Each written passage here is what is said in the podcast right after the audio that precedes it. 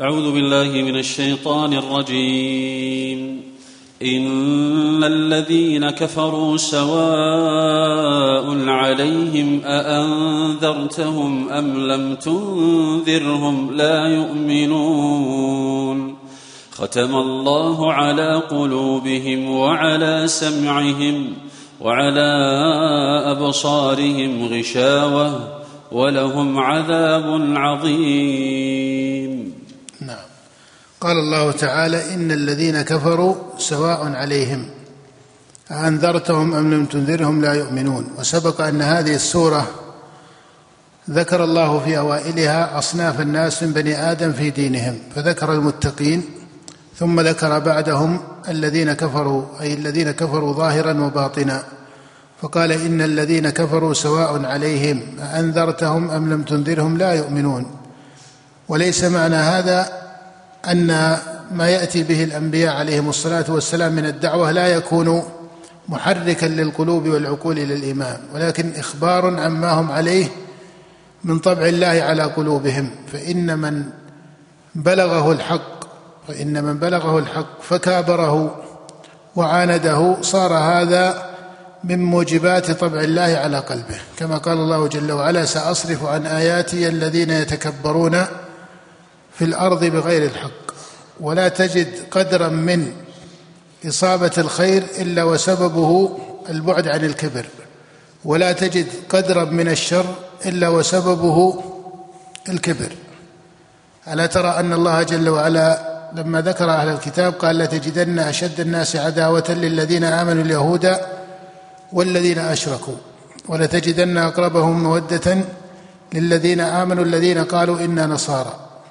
ولما ذكر حال هؤلاء من جهة المقاربة وهو قدر من الممايزة لما عليه اليهود والمشركين ذكر في ختام الآية ذلك بأن منهم قسيسين ورهبان وأنهم لا يستكبرون. فتجد أنه في كتاب الله أن الكبر هو سبب الضلال وسبب نقص العلم وسبب الانحراف عن الحق إلى آخره. فالكفار لما عارضوا ما جاءهم به النبي صلى الله عليه وسلم بالمكابرة تارة وبالإعراض تارة أخبر الله جل وعلا أنه ختم على قلوبهم. وهذا من معنى قول الله جل وعلا يثبت الله الذين آمنوا بالقول الثابت في الحياة الدنيا وفي الآخرة ويضل الله الظالمين. فتجد أنه في سياق الآية قال الله جل وعلا ويضل الله الظالمين. واسم الظالمين اسم الظالمين يدل على ماذا؟ أن هذا الإضلال الذي أصابهم بموجب بموجب فعلهم وهو الظلم.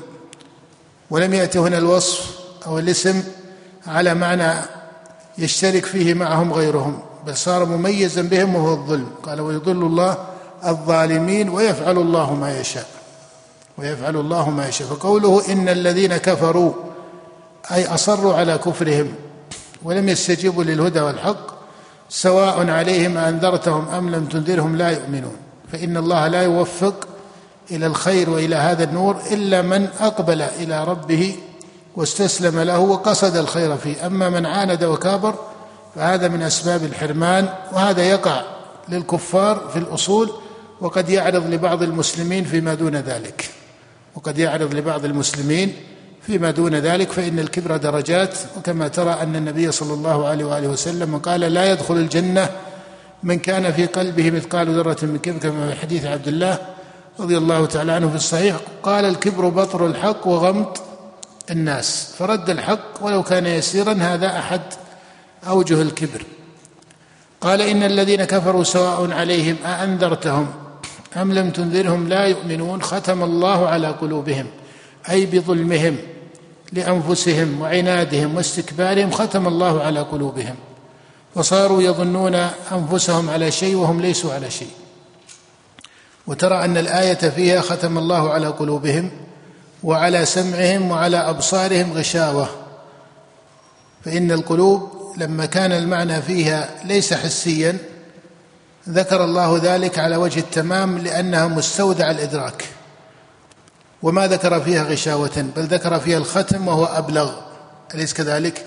ولما ذكر الحسيات قال وعلى أبصارهم غشاوة فإنهم يشاهدون حال النبي صلى الله عليه وسلم وتتحرك نفوسهم أحيانا لبعض الشواهد التي يأتي بها عليه الصلاة والسلام لكن يمنعهم من ذلك.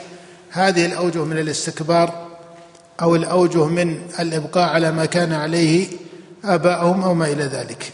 ختم الله على قلوبهم وعلى سمعهم وعلى أبصارهم غشاوة وهي غشاوة الضلالة وهي غشاوة الضلالة فإن الحق الذي نزل من عند الله كما سماه الله في كتابه هو نور والعقل والإدراك هو بمنزله البصر.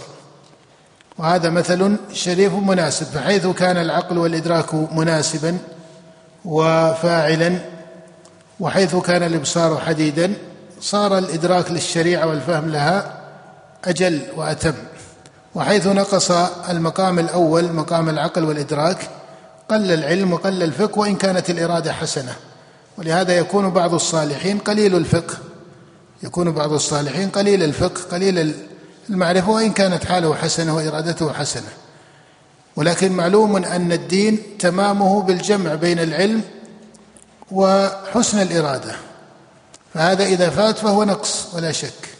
وإن كان صاحبه صالحا وإن كان صاحبه صالحا لأن من أعظم ما يعبد الله جل وعلا به معرفته. لأن من أعظم ما يعبد الله جل وعلا به معرفة الله سبحانه وتعالى. فمعرفته من مقامات عبوديته. فاعلم أنه لا إله إلا الله. هذا أمر للنبي بمقام من مقامات العبودية وهو العلم. وليس يصح ان يقال كما يقول بعض المتأخرين من أهل السلوك والأحوال إن العلم وسيلة إلى إيش؟ العمل. بل العلم في الشريعة مقصود لذاته. بل العلم في كل أحوال بني آدم غاية بذاته. بل العلم في كل أحوال بني آدم غاية بذاته. فتجد أن العلوم كلها في أحوال بني آدم التي ليست حتى شرعية هي غاية بذاتها وقدر بذاتها ومقصودة لذاتها. نعم. قال ختم الله على قلوبهم وعلى سمعهم وعلى أبصارهم غشاوة. نعم. ولهم عذاب عظيم نعم. ولهم عذاب عظيم. هذا وعيد الكفار وهو أحد أوجه الوعيد التي جاءت فيهم. والله جل وعلا يذكر وعيدهم على أوجه فيذكر العذاب العظيم ويذكر العذاب الأليم ويذكر العذاب الأكبر ويذكر العذاب المهين. وترى أن بعض أوجه العذاب إنما جاءت في الكفار دون غيرهم. بعض أوجه العذاب وأوصاف العذاب جاءت في الكفار دون غيرهم.